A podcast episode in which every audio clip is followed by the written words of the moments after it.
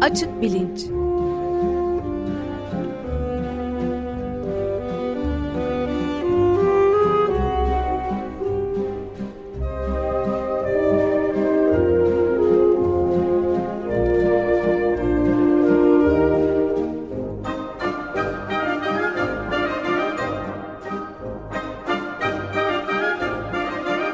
Güven Güzeldere ile bilim ve felsefe sohbetleri. Günaydın Güven Bey, merhabalar. Günaydın Ömer. Günaydın. Günaydın Özdeş. Evet, bugünkü programda Felsefe Akımları serisinin ikinci bölümünü yapıyoruz ve konuğumuz geçen hafta olduğu gibi Doktor Ümit Yalçın. Siz takdim eder misiniz lütfen? Tabii Ümit hoş geldin, merhaba. Hoş bulduk arkadaşlar. Ee, Merhabalar, Ümit hoş geldiniz. uzun yıllardır çalışmalarını East Carolina Üniversitesi'nde sürdüren bir felsefeci. Geçmiş senelerde felsefe portreleri diye bir seriye başlamıştık. Daha devam edeceğiz. Bir de buna felsefe akımları ya da felsefe okulları diye bir seri eklemiş e, oluyoruz bu şekilde. E, geçen hafta ilk bölümünü yaptık ve daha genel bir felsefe nedir sorusuyla seriye girdik. E, şimdi de oradan devam ederek biraz felsefenin alt branşlarından ve felsefe tarihinde önemli yer tutan kuşkuculuk e, diye bilinen bir düşünce okulundan ya da düşünce akımından bahsedeceğiz. Ama galiba önce geçen haftaki programa küçük bir ek yapmak istiyorsun Ümit sen. Evet, geçen haftaki konuşmamızda yarı şaka da olsa felsefeciyi zihni temizlik işçisi olarak tanımladım hatırlarsanız. Felsefeci bilhassa kavramsal ve çıkarımsal analizler veya tahliller üzerine yoğunlaşan bir emekçi olarak temayüz etti. Ben bu profile önemli olabilecek bir ekleme yapmak istiyorum. Birçok felsefeci başkalarının önerdiği hayat haritalarındaki eksiklikleri ortaya çıkarmaktan öte kendi hayat haritasını da bina etmek istiyor. Ve bir takım önerilerle karşımıza çıkıyor. Sadece başka geçten geçirmek ötesinde daha iyiyi, daha doğruyu da etmeye çalışıyor. Ama bunu yaparken tabii sanatını hakkıyla icra eden felsefeci kendi ürettiği fikirlere ve kendi bina etmeye çalıştığı hayat haritasına aynı başkalarına gösterdiği eleştirel bakış açısını getirmek zorunda. Başkalarına satmaya çalışmadan önce pazarlamayı düşündüğü ürünün kalitesini kendi kendine denetlemekle mükellef.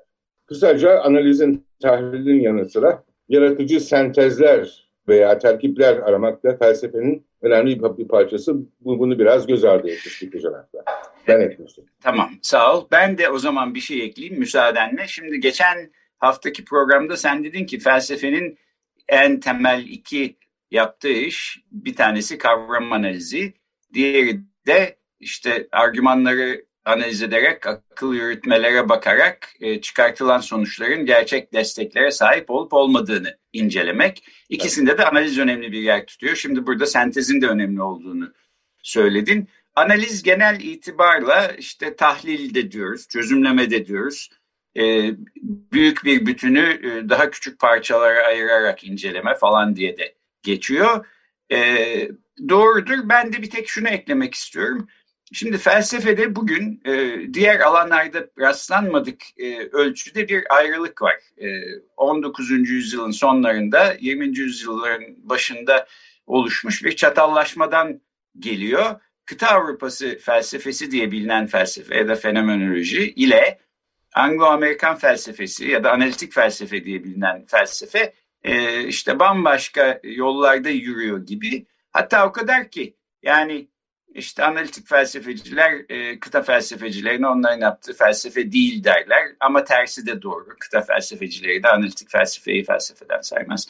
Şimdi bir kere burada ben bu isimde bir yanlışlık görüyorum. Yani analitik felsefe dediğimiz zaman analitiklik yani e, işte parçalara ayırarak bir bütünü daha iyi anlamaya çalışmak bence çok önemli ve her alanın e, altında e, yatması gereken bir yöntem. Bu kıta Avrupası felsefesinde de böyle. İşte sosyolojide, tarihte, e, herhangi bir bilimde filan da böyle. Dolayısıyla analitik felsefe dememek lazım. E, öyle deniyor ama her halükarda kıta felsefesi geleneğinden gelen e, felsefeciler belki bu bizim geçen hafta konuştuğumuz şekilde analizi ortaya koyan e, felsefenin önemli işlevleri meselesine itiraz edeceklerdir. E, işte tarihsel bağlamın öneminden belki bahsedeceklerdir filan. E, doğru tamam ona da e, bir itirazım yok. Ben aslında bu kıta, fels kıta Avrupası felsefesiyle Anglo-Amerikan felsefesinin bu şekilde ayrılmaması gerektiğini düşünüyorum. Günün birinde yeniden yollarının birleşeceğini düşünüyorum filan ama oraya bir dipnot olarak eklemiş olayım bunda izninle. Tabii tabii tabii. Ee, yani bu felsefe dediğimiz şeyi tarih içinde yapan her e, birçok insana baktığın zaman her iki felsefe ekolünün de e, öğelerini görüyorsun. Yani mesela ben analitik felsefeci göya olan birisi olarak İmam Gazali'yi ilk defa okuduğum zaman bir İslam felsefesi dersi vermemi istediler. Yani adamın e, şu anda analitik felsefesi diye geçilen birçok insandan daha analitik e, bir yaklaşımla e, kitaplarının bazılarını yazdığını gördüm. Hepsini değil ama bazılarını. Tabii tarih içinde bu, bu, bu öğeler her zaman var. Verilen evet. ağırlıkla ilgili bir şey bence bu. Evet. Ee, peki şimdi e, bugün epistemolojinin içinde yer alan bir düşünce akımı olarak kuşkuculuktan bahsetmek istiyoruz. Fakat önce şundan bahsedelim. Felsefenin alt alanları dediğimiz zaman yani bunu pratik olarak şöyle düşünmek de mümkün aslında. Bir felsefe bölümünde minimal olarak mesela hangi alanda dersler verilmeli, hangi alanlar temsil edilmeli, kaç felsefeci olmalı ki işte öğrenciler iyi kötü düzgün bir müstefedatla karşılaşabilsinler. Burada ahlak felsefesinden, zihin felsefesinden, bilim felsefesinden filan bahsetmek mümkün. E, felsefe tarihinden elbette. Ama e, Anglo-Amerikan felsefe geleneğinde en azından metafizik ve epistemoloji bunun bel kemiğini oluşturan en temel iki alan. İşte sen de bu iki alanlardan birinde uzmansın. Epistemolojide, e, diğer konularda da çalışıyorsun gerçi ama e, metafizikle epistemolojiyi önce ayırarak başlasak, daha sonra epistemolojinin içinde bir sorun olarak kuşkuculuktan e, bahsetsek olur mu? Tabii. Çok basit olarak şöyle ayrıştırayım. Tekrar geçen e, hafta bahsettiğimiz penaltı örneği üzerinden yapayım bunu. Şimdi ceza sahası içinde 12 serbest vuruş gerektiren ihlalden birisinin zuhur ettiğini farz et. Ama bu arada hakem gökyüzünde geçen bir kuşu seyrediyor olsun ve görmesin olanı. Hakem görmese de bilmese de çalmasa da burada bir penaltı olgusu vardır. Bu olgunun var olup olmadığı ne hakemin ne de başkasının bunu fark etmesine bağlı değildir.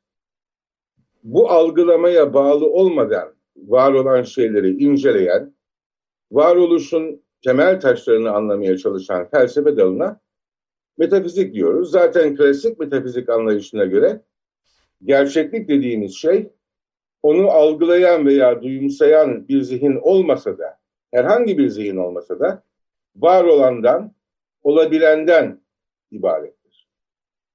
Buna karşılık epistemoloji ya bilgi teorisi dediğimiz e, alanda e, zihni olan varlıkların algılama, duyumsama, fark etme, bilgi edinme kabiliyetlerini nasıl elde ettiklerini, bu kavramların ne, neler olduğunu ve hangi konularda bilgiye sahip olduğumuzu inceleyen bu olayın bilgi kısmına eğilen bir daldır. Evet, nitekim burada senin penaltı örneğinde aslında verdiğim bir üstü kapalı referans var diye düşünüyorum. Hani kimsenin olmadığı bir ormanda bir ağaç düşse, kimse görmese, duymasa yine de bu ağaçtan bir ses çıkmış olur mu ee, sorusuna ne cevap vereceğiz peki? Hadi burada onu da sormuş olayım. Genelde felsefede e, yani bu buna verilen, klasik felsefede verilen cevap tabii ki vardır. Bu olgu herhangi bir zihnin onu algılamasından, bilmesinden, fark etmesinden bağımsızdır diye e, düşünülür. Fakat şimdi bu buna sanki Berkeley gibi biraz daha e, idealist felsefecilerin karşı çıktığına dair bir, bir inanç var. Fakat aslına bakarsanız bence Berkeley bile, bile buna karşı çıkmıyor. Çünkü Berkeley'nin metafiziğine baktığınız zaman evet tamamıyla e, madde dışı zihinlerden oluşan bir metafizikten bahsediyoruz. Ama bu zihinlerin varlığı da onları algılayan bir varlığa bağlı değil. Yani kişisel zihinlerin, insan zihinlerinin olsa bile Berkeley felsefesinde Tanrı'nın varlığı öyle bir şeye bağlı değil. Tanrı metafiziğin temel taşı olarak e, kimsenin algılamasına bağlı olmadan var olan en gerçek varlık. Orada bile be, belli bir zihinle bağlı olmama özelliği temayüz ediyor. Evet.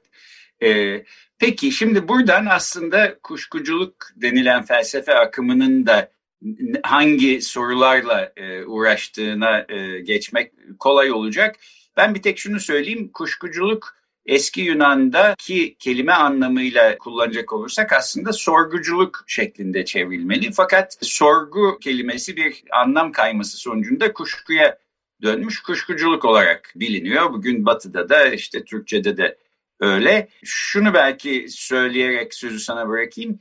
Kuşkuculuk denilen felsefe akımı insanların felsefi düşünceler üretmesine başlamasıyla birlikte neredeyse çok eski zamanlardan beri ve çok farklı coğrafyalarda kendini göstermiş. Yani eski Hindistan'da da, Çin'de de, Batı'da da e, kendini kuşkucu olarak tanımlayabileceğimiz ya da kendini öyle tanımlayan e, düşünürler bulmak mümkün. Bilgi edinmenin e, zorluklarını dolayısıyla insanlar çok eski çağlardan beri fark etmişler ve çeşitli alanlarda işte kimisi tanrı bilgisi, kimisi bilimsel bilgi, kimisi algıdan e, edinilen bilgi filan üstüne pek çok eser e, üretmişler. Dolayısıyla kuşkuculuk e, felsefenin belki en köklü akımlarından birisi.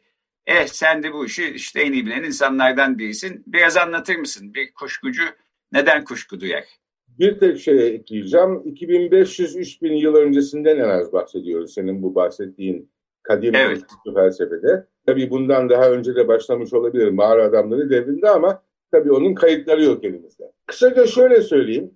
Yani hepimizin bilgi üretme niteliği veya kabiliyeti olduğunu düşündüğümüz bazı yöntemler, ameliyeler ve bu yöntemlerin uygulandığı bazı araştırma alanları var.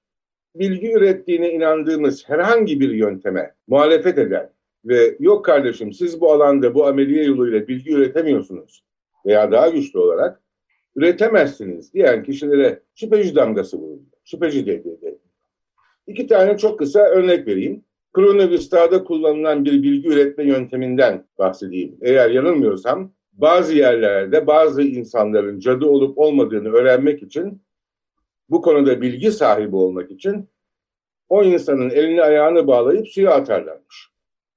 Eğer yüzerse cadı olduğunu öğrenmiş oluyoruz. Batarsa da olmadığını. Şimdi tam bütün köy halkı bu yöntemle Matilde Hanım'ın cadı olup olmadığını araştırmaya kalkmışken cesur bir köylünün siz bu işi böyle çözemezsiniz, bilgi edinemezsiniz, bu yöntem işlemez, bilgi üretmez dediğini tahayyül edin. Bu cesur köylü bu dar alanda bir şüphecidir. Başka bir örnek, daha geniş bir örnek bilim bazı insanlara göre en güvenilir, en sağlam bilgi üretme yöntemidir. Buna karşılık kusura bakmayın ama bilim bilgi üretmedi, üretmiyor diyen hatta yine daha güçlü olarak üretemez diyen, bilime muhalefet eden bir kişi bilim konusunda şüphelidir ama en geniş anlamda hiçbir zaman hiçbir konuda bilgi üretmiyoruz, üretemeyiz diyen çok geniş kapsamlı köklü şüphecilik adıyla anılan Şüphecilik örnekleri de vardır. Günümüzden 2500-3000 yıl öncesine dayanan bir işte akımdan, düşünce akımından bahsediyoruz. Evet. Peki evet, ve... ben de ufak bir şey eklemek istiyorum izninizle bir soru. Yani şu, şu anda içinde bulunduğumuz dönemde çok belirgin bir şekilde bir bilim karşıtlığından bahsetmek. Bu ister Covid'de e, aşılar, aşı karşıtlığı, tereddüdü falan konusunda olsun, isterse başka pek çok konuda da iklim e, değişikliği, iklim acil durumu başta olmak üzere pek çok konuda var. Ben e, bunun son derecede tehlikeli bir e, gelişme olduğu kanaatindeyim naçizane. Fakat bunun burada bunun bu şekilde yaygınlaşmasında e, acaba e, sosyal medya kullanımının payı ne kadardır diye bir soru geliyor aklına. Yani hasta astarı olmayan, hiçbir kanıta dayanmayan sayısız bilgi ve büyük bir hızla ve şeyle ço miktarda çoğaltılıyor. O yüzden bu, bunda bu anti bilimsel şeyin gelişmesinde kuşkuculuğun diyelim, tırnak içinde kuşkuculukta e, rolü var mı bu inovasyonlarda bu sosyal? Yani bu bu benim e, uzmanlık alanımın alanımın dışında olan bir bir e, konu fakat benim şahsi kanaatimi sor, sorarsanız tabii ki var. E, eskiden e, iletişim kanallarını elinde bulunduran insanlar belli bir noktaya kadar e, hangi fikirlerin lanse edileceğini, gündeme çıkacağını kontrol edebiliyorlarmış. Şu anda bir yerde bu kontrol elimizden kaçtı yani. Bu insanların elinden çıktı. Herkes konuşuyor. Kimin kimi dinleyeceği belli değil. Ama tabii bunun bir parçası da bu konuşan insanların bu kadar esası olmayan şeyler söylemesinin temelinde de maalesef 21. yüzyılda bile insanların çoğunun e, cahilliği yatıyor. Yani bu, bunu Amerika için de söylüyorum, e, Avrupa için de söylüyorum, her, e, yani her memleket için söylüyorum. Peki ben de şunu ekleyeyim müsaadenizle. Ee, yani felsefi anlamda bir kuşkucu, işte bilimsel e, çalışmalardan da kuşku duyabilir. Fakat e, tabii ki öncelikle bu işte komplo kurgularından, sosyal medyada e, gezen türlü çeşitli saçmalıklardan da kuşku duyacaktır. Çünkü bir felsefi kuşkucu ince bir elekle e, işte bütün e, bilgi olarak öne sürülen şeyleri e, süzgeçten geçiren bir kişidir. Dolayısıyla felsefi anlamda bir kuşkucunun işte aşı karşıtlığını desteklemesi filan bana imkansız gözüküyor. Yani olmaz olmaz deme. evet. Yani her şey oluyor. Peki, fakat, şimdi e, şöyle söyleyeyim. Yani e, bu arada ben min konuşurken sanki bu güç e, şey e, e, iletişim odaklarının e, bazı güçlerin elinde olması iyi bir şeymiş gibi bir fikir ifade etmek istemedim. Fakat yani sesler arttıkça da senin dediğin gibi olmadık şeyleri iddia eden, kanıtladığını söyleyen insanlar da arttıkça insanın neyi dinleyeceği, neye önem vereceği artık bir sorun haline geliyor. E, kısıtlı zamanımız var. O çerçeve içinde e, Ömer Bey'in de söylediği gibi bir hercüment içinde yaşıyoruz. Evet. evet.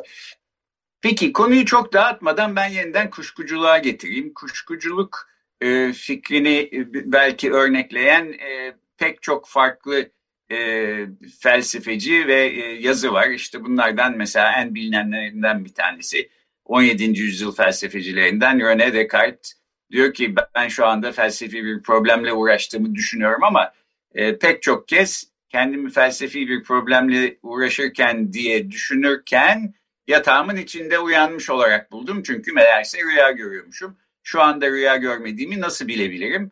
E, bilemezsem o zaman algımla elde ettiğim bilgilere nasıl güvenebilirim filan diyor. Bu yalnızca bir tanesi pek çok örnek var e, tarih içinde. Biraz bu kuşkuculuk akımının açıklamasını biz sana bıraksak Ümit nasıl olur? Tabii. E, şimdi müsaade ederseniz ben bu e, tekil örneklerin üzerinden gitmek yerine genelde bu kuşkucu düşünceyi iteleyen iskelet düşünceyi size sunmak istiyorum ve bunu sebep-sonuç ilişkileri üzerinden sunmak istiyorum. Şimdi önce çabucak sebep-sonuç ilişkisinin ne olduğunu hatırlayalım. Ee, şöyle bir örnek düşünün. Lodos esiyor, başım ağrımaya başlıyor. Hemen bir aspirin alıyorum ve baş ağrım geçiyor. Burada iki tane sebep-sonuç ilişkisinden bahsediyoruz. Birincisinde lodos sebep, baş ağrısı sonuç. İkincisinde ise yuttuğum aspirin sebep, baş ağrısının kesilmesi de bunun sonucu. Ama bu basit sebep sonuç ilişkilerinin ötesinde sebep sonuç ilişkileri zincirleri de var. Bir sebebin doğurduğu sonuç akabinde başka bir sonucun sebebi oluyor. Ayağınıza takılan bir kahveci çırağının tepsisinden fırlayan çay bardağı iki masa ötede oturan müşterinin üstüne döküldüğü ve canını acıttığı zaman böyle bir zincirleme sebep sonuç ilişkisi yaşamış oluyoruz. Devam edelim. Benim yaşımda olan arkadaşlar 1960'lı 70'li yıllarda gazetelerin spor bölümlerinde top nerede diye bir yarışma hatırlayacaklar. Ee, kale arkasından genellikle karambol bir pozisyonun resmi çekilir. Rötuşla o karedeki top yok edilir ve gazete okuyucusundan topun nerede olduğunu tahmin etmesi istenirdi. Hatırlıyor musunuz? Evet galiba televizyonda da vardı hatta bir ara sanki. Ben, ben öyle yetişmedim. Ben e, sanırım Türkiye'den çıkmıştım o noktada 79 yılından itibaren. E, ama evet olabilir. Şimdi bundan esinlenerek sizden şöyle bir resim tahayyül etmenizi rica edeceğim. Yine kale arkasından çekilmiş bir resim. Kaleci yerde, belki bazı oyuncular yerde yahut üzgün bir tavır içinde dolanıyorlar. Bazı oyuncular da sanki santraya doğru koşuyor. Arkadan görüyorsunuz. Ve top da kale çizgisini geçmiş kalenin bir yerinde duruyor. Şimdi ben size arkadaşlar sadece bu fotoğraftaki resmettiğimiz sonuca bakarak, bu sonuç ne? Gol, gol olmuş. Ve fotoğrafta resmedilen bu sonucun detaylarını inceleyerek bana bu sonucun sebebini söyleyin. Bu golün nasıl atıldığını anlatın. Bu golü kimin attığını, başka bir deyimle failini söyleyin diye bir talepte bulunsa. Çok kuvvetle tahmin ediyorum ki sizin cevabınız kardeş böyle soru olmaz. Biz senin getirdiğin kısıtlamalar dahilinde bu sorunun cevabını veremeyiz olur. Ben ısrar edeyim. Diyeyim ki ya oyuncuların yüzüne bakın, kalecinin nasıl yattığına bakın, çimlerin eziliş biçimine bakın, topun ne açıda durduğuna bakın. Hala yapamıyor musunuz bu işi? Yine cevabınız ya saçmalama sadece sonucun bu basıklarına bakarak biz senin sorduğun soruyu cevaplayamayız olacaktır. Tabii cevaplayamayız derken tahmin edemeyiz demek istemiyorsunuz. Tahmin edebilirsiniz. Tahmininiz de tutabilir belki ama bu şansa tutan tahmin bilgi değildir. Yani e, desteği olan bir cevap olmaz. Şimdi şüpheci arkadaşlar tamamıyla sizinle hemfikir bu konuda. Sadece sonuçlara ve bu sonuçların içerdiği vasıflara bakarak sebeplerin ne olduğunu anlayamazsınız. Bilemezsiniz derler. Buna yürekten katılırlar. Ama ondan sonra da dönüp sizi başka konularda e, belki mızıkçılık yapıp sonuçları okuyarak sebepleri bildiğinizi iddia etmekle suçlarlar. Şimdi bunun niye böyle olduğunu anlatmaya çalışacağım. Eğer araya da bir şey söylemek istemiyorsan. Hayır, buyur devam et. Şimdi felsefi konulara pek fazla kafa yormamış, bu konuları fazla düşünmemiş herhangi bir insanı, örneğin sokakta bir çaycının önünden geçen herhangi bir insanı bir çay içmeye davet ettiğimizi farz edin. Ve çayımızı içerken bu kişiye ya kardeşim lütfen bana yardımcı ol. Bana senin zihninde kendi varlığını ve kainatlıktaki konumunu nasıl tahayyül ettiğini biraz anlat. Geçen haftaki e, deyimimizle bize hayat haritanı e, anlat da işte şarkıyla olmasın bu e, Aşık Veysel Yahut Yıldırım Gülses gibi biraz daha detaylı olarak sözde anlat diye sorsak. Ben çoğunlukla e, şöyle bir cevap alacağımızı tahmin ediyorum. İşte arkadaş diyecektir ki ben varım, etrafımda benden başka bir sürü şey var. Bunların bazıları benim gibiler, yani bilinçleri ve algılama kabiliyetleri var. İşte diğer canlı varlıklar. Bazıları ise bilinç ve algılaması olmayan işte taş, sopa, zeytin ve yıldızlar gibi zihinsiz varlıklar. Zihinsiz diyorum, maddi demiyorum çünkü biliyorsun e, zihni olmayan fakat maddi olmayan varlıkların da bahsi geçer bazı metafiziklerde. Tabii bir de bunun yaratıcısı olan varlık veya varlıklar vardır diye de ekler e, dini inançlarının kökenine göre veya olup olmamasına göre e, bu, bu da o anlayışın bir parçasıdır. Peki sen etrafında başka insanlardan tut, yıldızlara kadar bir sürü başka şeyin olduğunu nereden biliyorsun diye sorduğumuzu düşünün. Yine herhalde aldığımız cevap şöyle bir cevap olacaktır. İşte algılama kabiliyetim var. Görüyorum, işitiyorum, dokunuyorum, tadıyorum ve kokluyorum. Algılama kabiliyetimi oluşturan duyu organları yoluyla onların farkına varıyorum. Duyumsuyorum cevabını alacağımızı tahmin ediyorum o insanlar. Ee, yalnız analitik felsefeci arkadaşların genelde unuttuğu başka bir şey daha var. Bir sürü insandan da bazı ilgi bilgileri, bazı güçler doğrudan bana aktarıyor cevabını da alabilirsin. Tamam. Ee, eğer bu konuda şu ana kadar konuştuğumuz arkadaşı afaganlar basmadıysa bir de şunu sorduğumuzu tahayyül edin. Peki lütfen bize şu algılama dediğin şeylerden birini mesela görmeyi anlatır mısın? Nasıl oluyor? Yine herhalde şöyle bir cevapla karşılaşacağız. Çevremizdeki varlıklar bir şekilde bizim gözümüze bir etki yapıyorlar. Ve bu gözümüze yapılan etki akabinde zihnimizi de etkiliyor. Bu varlığın zihnimize yansımasını sağlıyor. Dikkatinizi çekerim. Burada anlatılan bir sebep sonuç ilişkisi zinciridir. Zihne yansıma dediğimiz şey zihnin dışındaki bir varlığın bir sebep sonuç ilişkileri zinciri neticesinde zihinde yarattığı sonuçtan ibarettir. Anlatılan hikaye aynen bir film makinesinin çalışması gibidir. Tek fark film makinesinin medyası bilinç içeren bir medya değildir. Eskiden selüloidti, şimdi işte çip bu e, dijital e, verileri içinde saklayan. E, ama bizim zihnimizde o makinede olmayan başka bir basıp var, işte bilinç var diye düşünüyorum. Bir şey eklemek ister misin?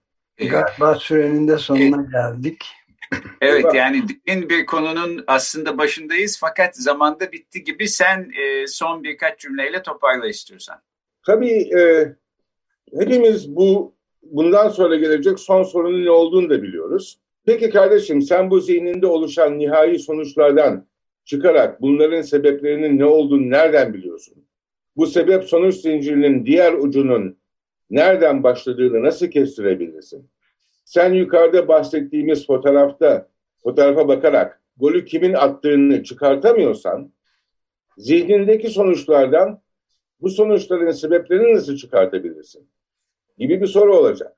E, felsefe tarihinde şüpheciliği destekleyen çıkarımlardan çoğunun temelinde yatan yapı budur. Ve bu yapıyı yansıtan tekil örneklerden bir tanesini sen verdin, Descartes'ten bahsettin ama e, Descartes'in gündeme getirdiği bu e, kötü niyetli güçlü ruh örneği, hayal görmeyi veya duyu aldanmasını gündeme getiren çıkarımlar, halüsinasyon ve illüzyon, illüzyonlar, e, işte bir besleyici solüsyonla dolu bir tankın içinde bilgisayardan gelen uyarımlarla kendini Urfa'da kazancı bediyle bir e, sıra gerisinde zanneden beyin örneği. Bütün bunlar sebepten sonuç okunamayacağı ana fikrini çarpıcı biçimde örneklendirme çabalarıdır. Analitik geometriyi icat eden dahi Descartes, zihni sapıklık yapmak için değil, bu ana fikri çarpıcı bir örnekle gündeme getirmek için bizle dalga geçmekten keyif alan kötü niyetli bir ruhtan bahsediyor. Evet çok güzel bir şekilde aslında temel kısmını anlattın. Şu aralar herkes Matrix'in dördüncü bölümünü seyrederken oradaki e, simülasyon örneği de bunun belki bir parçası gibi görülebilir.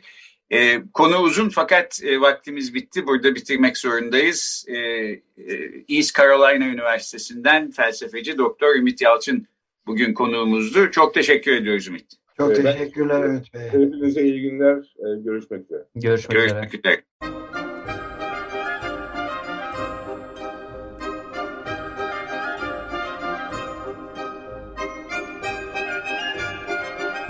Açık Bilinç